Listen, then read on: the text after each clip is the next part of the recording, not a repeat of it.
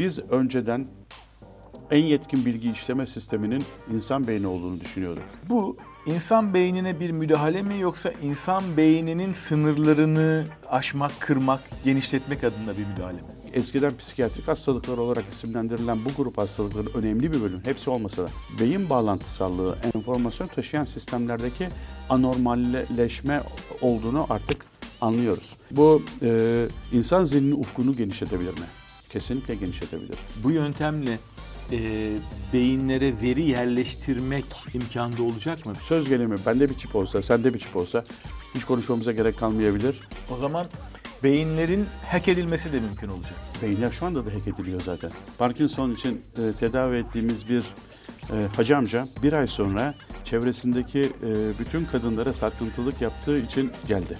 Ve aile Allah aşkına dediler şu elektrodu çekin e, yoksa başımız derde girecek.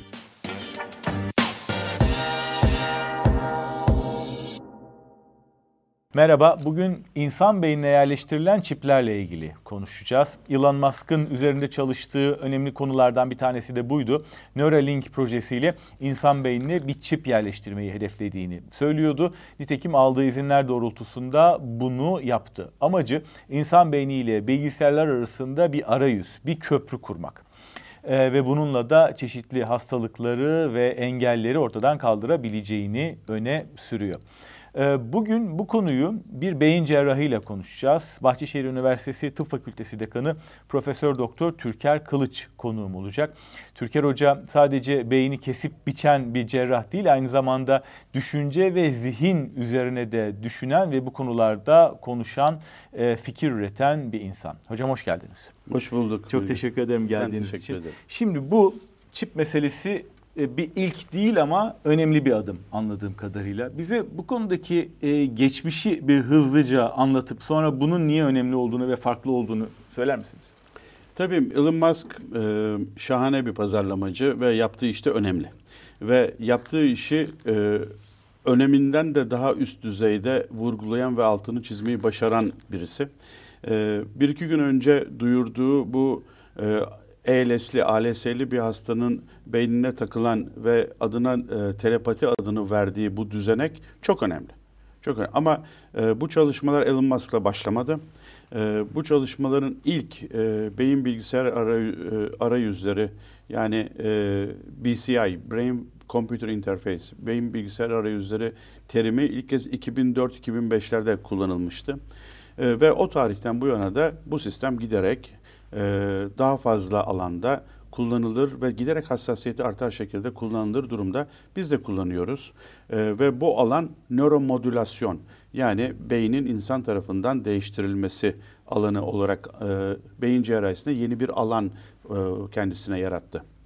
Tabii e, buna gelmeden önce bunun arkasında e, önemli gelişme beynin nasıl düşünce ürettiğiyle alakalı olan çalışmalar.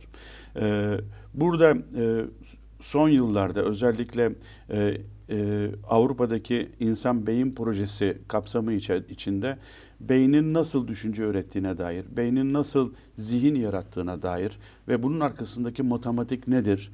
E, bununla ilişkili devasa bir gelişme oldu ve bu sadece e, beyin cerrahisinin değil, sadece beyin nasıl düşünce üretiyor sorusunu araştıranları değil, e, hatta hatta e, beyin bilimcilerin de ötesinde e, yaşamın da bir çeşit enformasyon işleyen sistem olduğu sezgisi e, ortaya çıktığı için e, yeni bir kültür yaratıcı etkisiyle ortaya çıkmaya başladı. Ne demek istiyorum yani? Yani e, beyin dediğimiz yapı e, biyolojik bir bilgi işleme sistemi. Bu biyolojik bilgi işleme sisteminin yaşam dediğimiz bütün varoluş kodlamalarının bütünü e, toplamı olarak tanımlayabileceğimiz bir enformasyon alanı içerisinde kendisine bir e, ağ yaratıyor. Bu ağ zihin adını veriyoruz. Hı hı. Ve e, beynin nasıl zihin oluşturduğuna dair artık elimizde bir enformasyon matematiği var. Ve bu konu ilk kez 2015'te e, ilk ürünlerini ortaya çıkardı ama e, 2021'de Nobel Komitesi buna fizik ödülü verdi. Hı. Yani Nobel Komitesi tarafından bu matematik akredite edildi. Fizik alanına aktarılabildiği için. E, Giorgio Parisi bu alanda Nobel aldı. Yani ölçülebilir hale geldiği için beynin nasıl düşünce ürettiğinin altındaki matematik için. modellenebildiği için ve bu modelleme sadece beynin nasıl düşünce ürettiğine ait e, bir sonucu araştırabilmek e, için kullanılmanın ötesinde e, yaşamı modellemek için de kullanılır e, olmaya başladı. yaşam derken E, neden yaşam derken her şey. yaşamın nasıl ortaya çıktığına Yaşamın nasıl ortaya çıktığı, e, yaşam ağı içerisindeki her şeyin birbiriyle nasıl etkileşmekte olduğu ya da e, bu yaşam dediğimiz bu sistemin sadece biyolojik katmanının dışında sosyolojik katmanlarının da zaman içerisinde nasıl değişe, değiştiğinin öngörülebilmesini bize sağladı bu enformasyon matematiği. Şimdi işi bu işin sosyolojik tarafı da var. Yani yaşamın biz önceden en yetkin bilgi işleme sisteminin insan beyni olduğunu düşünüyorduk. 2012'lerde yola çıktığımızda. Şimdi artık biliyoruz ki en yetkin bilgi işleme sistemi insan beyni değil, yaşamın kendisi. İkinci bir önemli sonuç var. Biraz, birazdan bu Elon Musk'ın buluşunun önemine geleceğim. E, ikinci olarak çok önemli, kültür değiştirici bir sonuç da şu. E, o da biz yaşamın e, temel taşının atom olduğunu zannediyorduk. Çünkü hepimiz bir şekilde Newton, Bacon, Descartes çocukları olarak e, bu şekilde eğitim alıyoruz. Ve dolayısıyla herhangi bir bütünü incelerken onun yapı taşlarına ayırıyoruz. Yaşam dediğimiz bu kompleks sistemin e, incelenmesini de onu yapı taşlarına ayırarak atoma indirgeyerek bunu araştırıyorduk. Oysa şu anda artık biliyoruz ki e, yaşamın yapı taşı atom değil. nöron mu? Nöron da değil, enformasyon. Enformasyon. Ee, yani bilgi. Ee, ve e, artık bildiğimiz bir başka şey enformasyonun enerjiye dönüşebileceği. Ama buraya girmeyelim. Ee, dolayısıyla sonuç olarak e, biz 2004'ten bu yana ne yapıyoruz? Ee, biyolojik bilgi işleyen bir sistem olan beynin e, nasıl düşünce ürettiğine, nasıl zihin ürettiğine dair artık elimizde bir matematik var. Dolayısıyla matematik demek tekrarlanabilir olgu demek ve her yaptığınız zaman e, sizin amacınıza uygun yeni bir modelleme yaratıp yaratabilmek demek. E, ve bunu teknolojiye aktardığınız zaman bilgisayar sistemleriyle e, bu bu veriyi e, hasta için ya da e, insan zihninin kapasitesini daha e, yükseğe çıkarabilmek için kullanabilmek demek. Şimdi Elon Musk'ın yaptığı da aslında tam bu. Tanımlanmış bir a- alan üzerinde, haritası çıkarılmış bir alanda e, eldeki veriyi bir takım e, ürünlere dönüştürmek. bilgiyi sese dönüştürüyor Sese mesela. dönüştürüyor. Bilgiyi bir bilgisayar verisine dönüştürüyor. Başka bilgisayarla anlaş, an, Şimdi tam anlaşılmasını da sağlıyor. e, önce bunun için kullandığı yöntemi bize anlatmanızı rica edeceğim. Bu e, çipler e, ya da iplikçikler e, aslında nedir, neye benziyor ve beyne nasıl yerleştiriliyor, nereye yerleştiriliyor? Şimdi e, bütün kredinin Elon Musk'ın gitmemesini istiyorum baştan bir defa. Çünkü o kadar çok insan çalışıyor ki bu konuda. Ama olan şey şu, e, söz gelimi. Bunun en basit ve klinikte en çok kullanılan e, alanı Parkinson. E, Parkinson'un Parkinson'a yönelik tedaviler 90'lı yıllardan beri kullanımda ama temel prensipler aynı. Parkinson'da olan şey ne? Beynin konnektomu yani bağlantısallık ağı içerisindeki bir nokta üretmesi gerekenden daha az bir e, bir kimyasal madde üretiyor dopamin. E, ve biz bu dopamini üreten hücreleri bir elektrot yerleştirerek ve bu elektrotun aktivitesini dışarıdan kontrol ederek e, bu hücre grubunun çalışmasını kon- e, denetleyebiliyoruz Uyarıyorsunuz. uyarıyoruz ya da ya da uyarıyı azaltabiliyoruz. Ee, Bunu da basit voltaj ayarıyla yapıyoruz. Dolayısıyla burada e, iki yapı önemli. Bir değiştirmek istediğimiz o e, bağlantısallık ağının o noktasının belirlenmesi e, ve buraya konan, buraya yerleşen e, veri alan ya da enerji aktaran bir elektrodun oraya konulması. Ne kadarlık Bu bir alandan bahsediyorsunuz? Bu e, milimetrenin azında bir alan olabilir. Nano düzeyde de olabilir. E, ya da mesela epilepsi cerrahisinde daha geniş bir alanla interaksiyona, etkileşime ihtiyacımız var. Çünkü e, epilepside e, epilepsi kaynağı nano düzeyde ya da e, çok küçük alandan kaynaklanmayabilir. O zaman da daha geniş bir alana alanda beyinle etkileşme yüzeyinin oluşması gerekebilir. Bu e, ne amaçla bu sistemi kullandığınıza e, göre değişir. Hı hı. O yüzden bazen bunun beynin büyük bir alanında olması marifettir. Bazen de mümkün olduğu kadar küçüğünün kullanılması marifet olabilir. Her ikisine yönelik olarak da gelişmeler var. Elon Musk'ın en son yaptığı çok küçük bir alan alanı için çok saç teli kadar genişlikte bir elektrot üretmesi. Ee, tek öne, bir elektrot mu? Tek bir elektrot ama bunun bunun sayısını çok arttırabilirsiniz. Ee, yani yüzlerce yüzlerce saç telini de koyabilirsiniz ya da bir yüzeye koyabilirsiniz. Beynin içerisine bunları e, e, sokmak yerine. Hı hı. Tabii bu sistemin enerjiye ihtiyacı var. E, eskiden e, ilk ilk Parkinson için kullandığımız sistemlerde e, cilt altına bir pil koyuyorduk enerji kaynağı hı hı. ve bu pili o beyindeki elektroda cilt altından bir kabloyla bağlıyorduk. E, o kablo e, hem veri akışını sağlıyordu hem de enerjiyi sağlıyordu. E, bu en son e, Elon Musk'ın telepati adını verdiği bu düzenekte e, sistem kendi enerjisini kendisi üretiyor e, ve çiple alıcı e, arasındaki e, bilgi alışverişi de e, Bluetooth'la sağlanıyor. Dolayısıyla e, e, cilt altına yerleştirilen esas o bilgisayar çipinin e, o içeriye konan transducer'la e, bir kablo bağlantısı yok. Hı hı. E, dolayısıyla bu enfeksiyon riskini falan e, azaltıyor. E, ve Elon Musk'ın bu 2-3 gün önceki yaptığı işin en önemli e, değişimlerinden biri e, bu düzeni e, koyanın da robot olması. E, çünkü e, beynin e, beynin bir matris haline gelen sistemi içerisinde e, kafatasıyla beyin dokusunun e, matematik ilişkisi zaman içerisinde değişmediği için mesela kalp sürekli atıyor. Aynı şeyi kalpte kullanamazsınız. Hı hı. Bağırsak sistemi sürekli çalışıyor. Zaman içerisinde bir, bir değişim var. Beyinde öyle bir şey yok. E, bu nedenle siz şu an çektiğiniz MR'ı mesela e, bir saat sonra kullanabilirsiniz. O nedenle hasta MR'a giriyor. Elde edilen görüntüler robota geliyor. Robot e, kafatasını bir referans noktası olarak alıp onu bir matematiksel üç boyutlu matrix alanı haline getiriyor ve dilediği noktaya ya da dilediği yüzeye e, bir elektrot sistemi koyabiliyor. Eğer bu alan e, e, alan yüzeyi yüksekse, fazlaysa o zaman bu bir ameliyata dönüşebilir. Ama ameliyatı yapan e, şu anda tabii ki e, bir robot değil. Ama robot oraya bu elektrodu konulması işlemini başarıyla yaptığı söyleniyor şu yani an. beyin kafatası açıldıktan sonra robot mu koyuyor onu? Yoksa açılmadan robot açma, koyuyor. Şu anda açılmadan koyuyor. Onu... Kafatasını açmak gerektiği zaman yine tabii beyin cerrahları devreye giriyor ve ama sistem yine beyin cerrahları tarafından e, robotu yönetenler beyin cerrahları. Ama bu robotu yönetmek için illa robotun yanında olmak da gerekmiyor. Hı hı. Ondan e, başka bir kıtadan da o robotu yönetebilirsiniz. Peki yerleştirdiği şey bir tek elektrot mu?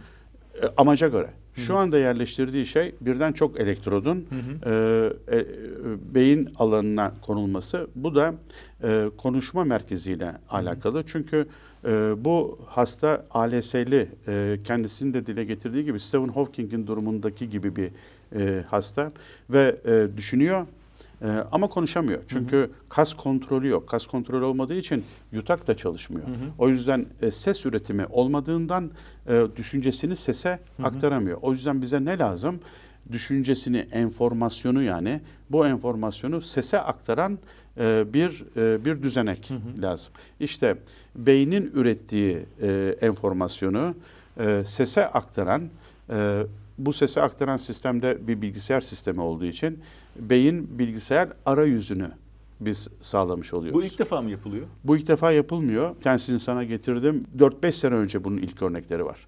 Ee, bu ilk örneklerde e, yine ALS ya da bu, bu benzerdeki hastalarda yani düşünebilen ama düşüncesini sese aktaramayan e, hastalarda e, bu düşünce e, biçimini e, beyinde bilgi elektrokimyasal ağlar olarak e, saklanıyor ya da yaratılıyor.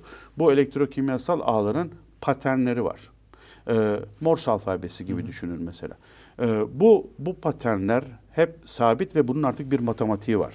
E, işte bu e, elektrokimyasal ırmakların yarattığı paternler bir matematiksel süzgeçten geçirildikten sonra e, sese dönüştürülebilir hale geliyor. Şimdi örneği çalar mısınız?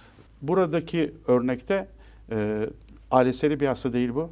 Bu bir epilepsi cerrahisinde kullanılan bir yöntem. Burada önce e, normal konuşabilen bir kişinin işte bir bir cümle söylemesi isteniyor. Shipbuilding is a most fascinating process diyor. Bir, bir cümle. Ee, daha sonra ameliyat esnasında e, hastanın e, beyni açık iken e, elektrotlar konuluyor. Hastaya da deniyor ki sen bu cümleyi söyle. Hı hı. Daha önceden çalışmış olduğun bu cümleyi söyle. Hasta bu cümleyi söylüyor ama şu, o anda bizi ilgilendiren o ses değil, bu elektrot sisteminin gerçeğe hangi ölçüde yakınlıkta bunu algılayabildiği. Hı hı. Ve yapay zeka öyle eğitiliyor ki işte Siri, Alexa gibi e, hastanın kendi sesiymiş gibi konuşuyor bizimle. Hı hı. Şimdi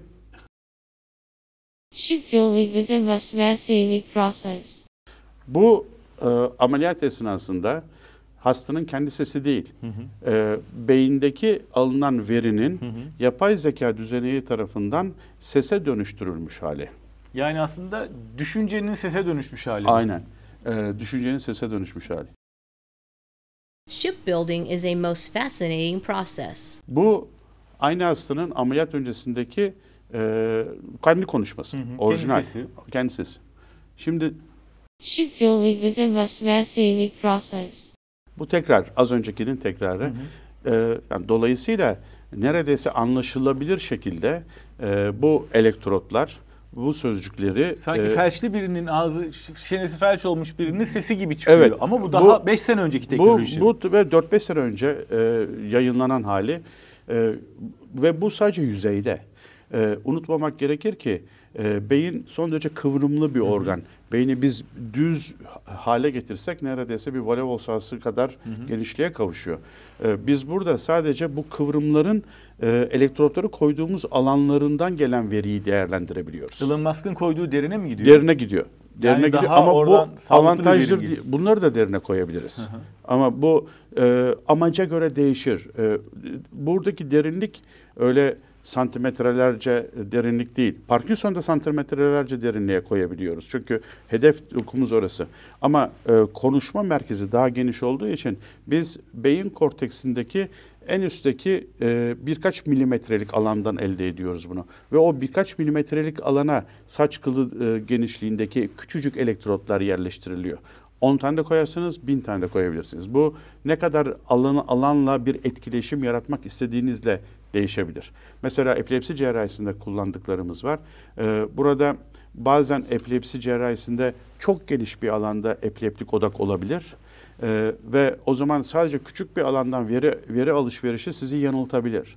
O yüzden burada amaç mümkün olduklar geniş bir alana ulaşmaktır. Ama söz gelimi şimdi en son yapılan çalışmalarda NIH'ten e, onay aldı. Morbid obezite, ölümcül e, şişmanlıktaki hastaların iştahının kesilmesi için bir nokta e, inhibe ediliyor. Açlık merkezi durduruluyor. E, orada alan çok küçücük, alan çok küçük e, ya da e, ödüllendirilme merkezinin e, uyarılması bazı hastalıklarda söz konusu ya da durdurulması söz konusu. Mesela alkolizmde. Ama bu klinik kullanıma girmiş, girmiş bir şey değil henüz. Hmm. E, orada daha derinde e, yani odak ulaşmak istediğimiz odak ne kadar küçükse o kadar küçük elektrot yeterli.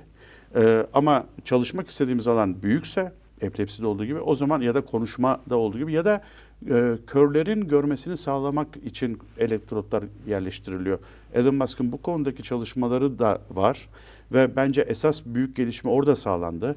Çünkü e, e, kör olan kişilerin e, görme merkezinin e, retinadan gelen e, gelen uyaranla e, bir ya da retinaya gelen düşen ışıkla uyarılması söz konusu. Ve e, bu kişiler bunlar sadece Elon Musk'ın çalışmalarında değil, mesela Almanya'da bir grubun yaptığı çalışmaları var. E, kör olan bu kişiler evin için, içinde dolaşabilir hale geliyorlar. Yani e, böyle net bir görüntü tabii ki hala yok ama e, gölgeler halinde bile olsa evin içerisinde hareket edebilir e, hale geliyorlar bu e, kör insanlar. E, tabii bunların hepsi zaman içerisinde gelişecek. Ama burada en önemli şey esasında bu, bu işin arkasındaki bu matematik. Önceden e, düşüncenin ne olduğunu bilmediğimiz dönemlerde ki bu çok uzun bir zaman değil bu 10 sene öncesi e, Bu bunlar baştan deneme yanılma yöntemiyle başladı. Parkinson'da olduğu gibi, obsesif kompulsif hastalıkta olduğu gibi. Biz bazı yerleri e, elektrik veriyor, verince o olanın e, daha fazla dopamin ürettiğini mesela keşfedildi. E, ama bunun nasıl olduğu bilinmiyordu. Ya da hangi matematik modelleme üzerinden olduğu bilinmiyordu. Şimdi artık yavaş yavaş buna doğru yaklaşıyoruz. E, dolayısıyla e, artık sistem sadece e, olmayanı düzeltmek, yanlışı düzeltmekten çıkıp olanı daha iyi hale getire, getirebilme adı, aşamasına geldi ki burada işte etik problemler ortaya çıkıyor. Çünkü bu insan beynine bir müdahale mi yoksa insan beyninin sınırlarını e, aşmak, kırmak, genişletmek adına bir müdahale mi? Amacına göre değişir. Yani burada söz konusu olan körlüğü, e, kör kişinin hayatını bir miktar e, iyiye doğru götür, götürmekse bu terapatik amaçlı. E, o kişiyi daha iyi bir hayata kavuşturabilmek amaçlı bir bir tedavi biçimi. Ya da Stephen Hawking döneminde böyle bir şey olsaydı gerçekten e, Elon Musk'ın söylediği gibi Stephen Hawking'le ne, bilgisayar üzerinden yani konuşan bilgisayarın kendisi olsa da Stephen Hawking'in istediği ses tonuyla ve istediği e, ses biçiminde hmm. bizimle konuşuyor olabilirdi. Böyle bir konuşma Stephen Hawking'le yapılabilirdi zaman kaybetmeden. E, ya da işte e, morbid obezitede e, bu belirli bir alanı düzelterek o kişinin hayatı ya da otizmde mesela otizmde bu konnektom değişiklikleri çok fazla. O yüzden e, Parkinson'da olduğu gibi ya da obsesif kompulsif hastalıkta olduğu gibi her hastada sabit bir yer yok. Hı hı. E, o yüzden zorluğumuz var otizmde. Ama otistik çocuklarda e, bu konnektom bağlantı, bağlant, beynin bu bağlantısallık ağları e, çok fazla yerde ve çok fazla biçimde anormal anormal. O yüzden henüz daha otizmde e, geliştirilebilen bir tedavi biçimi yok. E, benzer şekilde şizofrenide de.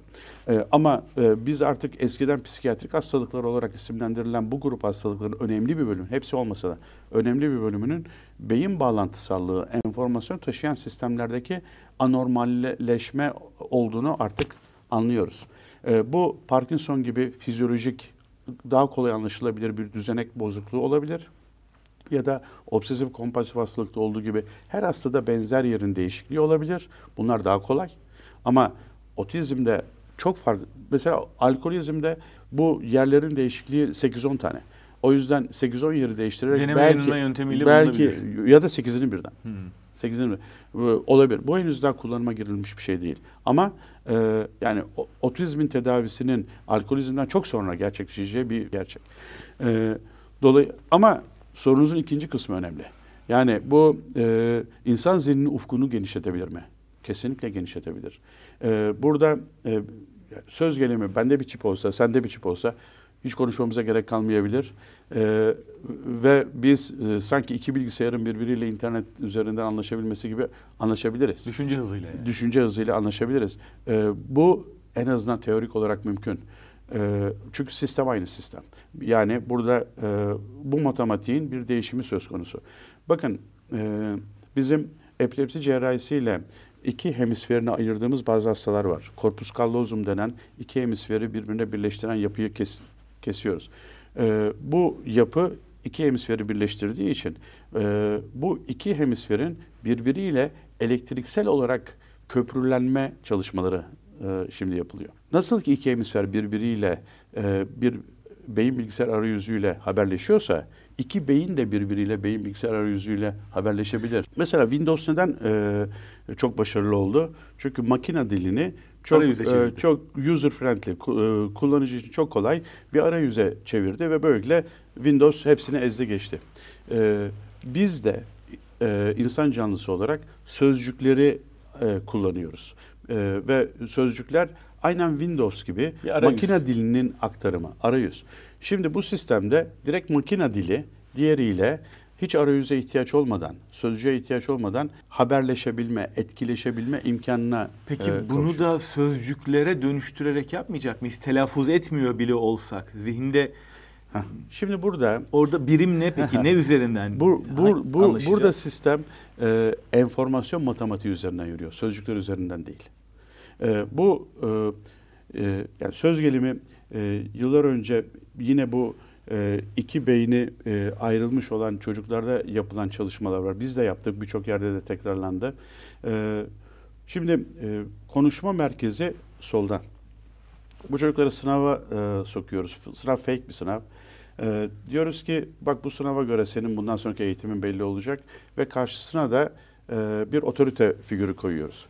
Otorite figürünün arkasında da bir optik düzenek var. Bu düzenekten gelen veri sadece sağ beyne geliyor. E, sınav başlıyor.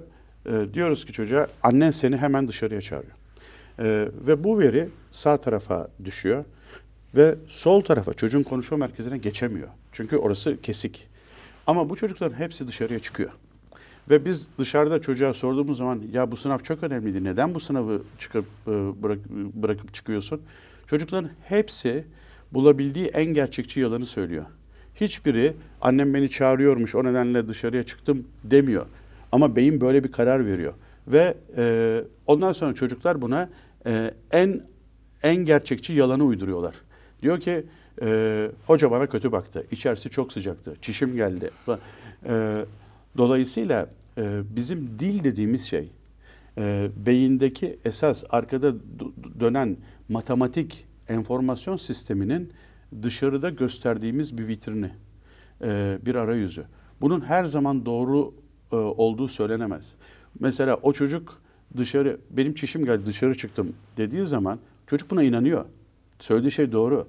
Ama kararı veren mekanizma dille konuşmadığı için sadece bunun sebep bunun sonucunu dille ifade etmeye çalışıyor. Bu yöntemle yani telepatiye benzer düşünce aktarımı yö- yö- yöntemi eğer e, kullanıma girecek olursa bir gün dil farklılıkları bir sorun oluşturacak mı? Yani bir Almanla, bir İngiliz, bir Türk'le, bir Fransız e, aynı dili konuşuyor olacaklar mı? Dili konuşmaya bile gerek kalmayabilir.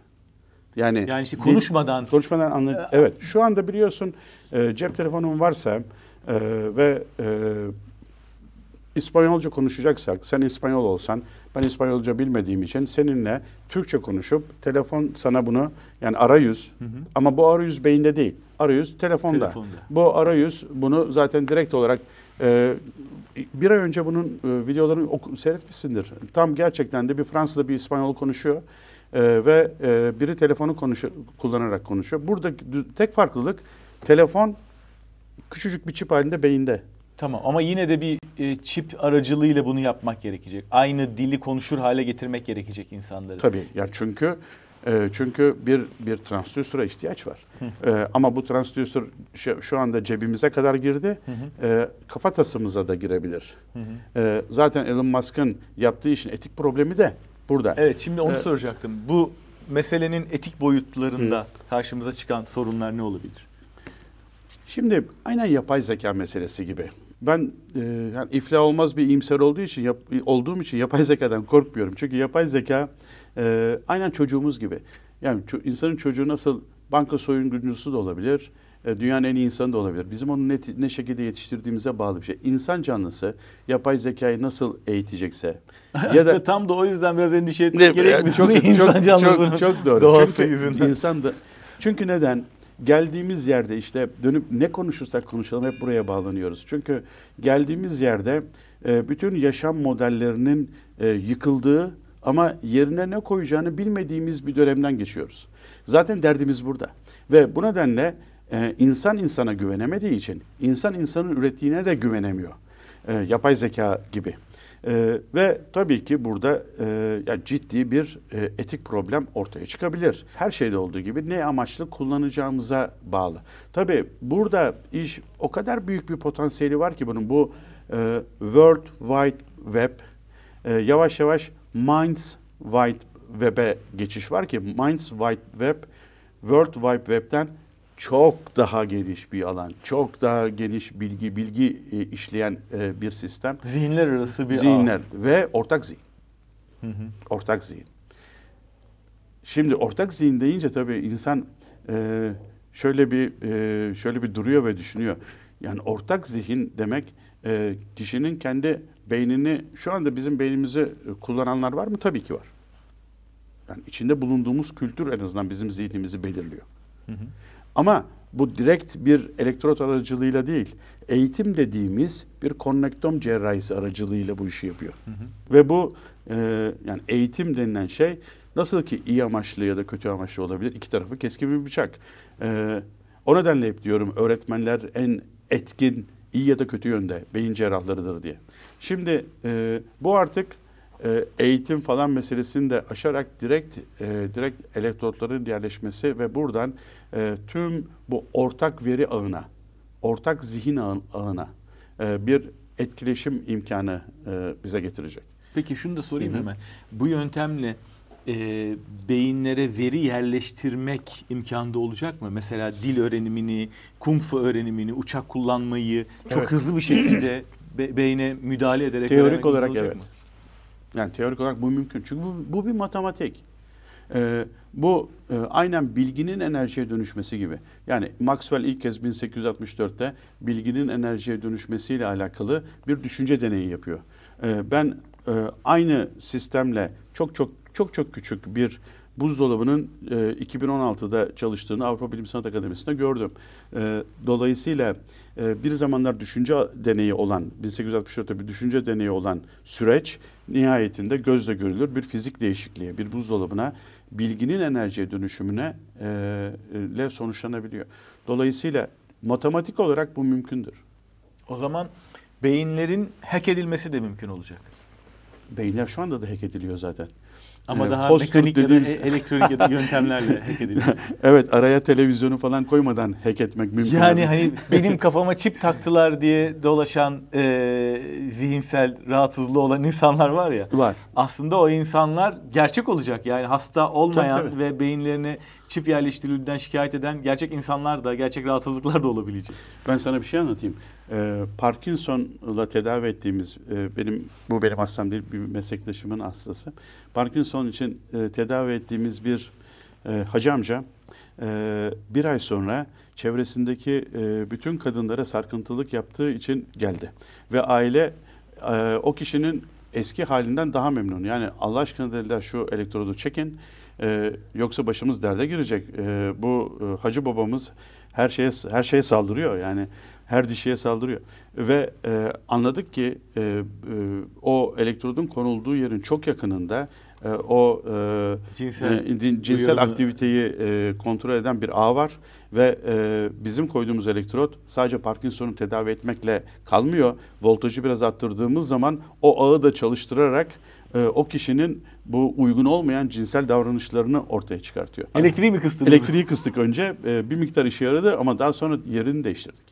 E, ve bunu da yayınladık. Dolayısıyla hani beynime çip taktılar. O nedenle ben e, bu e, bu girişimde bulundum. E, bu cinsel saldırıda bulundum diyen birisi öyle bir ütopik ya da öyle olmaz olmaz bir şey değil. Ya da Bu gittim yaşa- ya da gittim onu vurdum, ona saldırdım. bu, bu esasında uzun bir süreden beri var olan etik bir problem. 2000'li yılların başında e, yanılmıyorsam e, yani Amerika Birleşik Devletleri'nde olan bir olay ve e, burada e, eşiyle hiçbir sorunu olmayan e, bir kişi e, işte eşiyle problemler olmaya başlıyor. Önce onu dövmeye falan başlıyor. E, Böyle şiddet uygulamaya başlıyor falan. Ve olayın sonunda eşini ciddi şekilde yaralayacak e, saldırılarda bulunuyor. Ve eşi hayatını kaybediyor. Bu süreç içerisinde de bu saldırıyı yapan ve eşinin hayatını sonlandıran kişinin nöbetleri gelişiyor ve anlaşılıyor ki e, insanı insan yapan frontal lob içerisinde tümörü var. Ve e, aile bu e, kadının e, cinayetinin faili olarak bu kişiyi suçluyor ve e, bu kişinin avukatları e, diyorlar ki hayır e, siz hastamızı bu kişiyi suçlayamazsınız çünkü o esasında eşiyle hiçbir sorunu olmayan bir kişiydi ve beyindeki tümörden dolayı e, bu girişimlerde bulundu. E, ve e, bu dava uzun süre devam etti ve bunun sonucunda bu kişi e, suçsuz bulundu. Şimdi e, ama burada bir hastalık var falan. Yani bunun bir etik problem olacağı e, çok açıkça e, belli. E, ama biz işi bu yönden bakmayalım. E, bu birçok milyonlarca kişinin hayatını değiştirebilecek, hastanın hayatını olumlu yönde değiştirebilecek önemli bir tedavi e, biçimi. E, sadece bu teknolojinin nasıl kullanıldığıyla alakalı olarak tabii ki problemlerimiz var ama her teknolojik gelişmede benzer problemler var. E, ben iyi hatırlıyorum, sen de iyi hatırlarsın.